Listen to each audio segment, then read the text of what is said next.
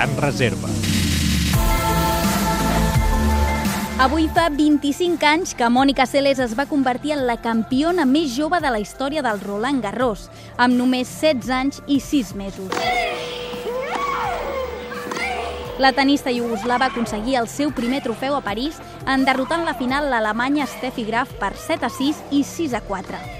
D'aparença fràgil, la tenista esquerrana va dominar el partit des del principi, sense donar treva a Graf, que no va poder contrarrestar els famosos cops de raqueta de Celes. La tenista iugoslava havia debutat un any abans al circuit professional i ja havia sumat sis victòries en torneigs del Gran Premi, a Lipton, a Harcourts, a Tampa, a Roma i a Berlín. Però el Roland Garros era el més important de la seva curta carrera.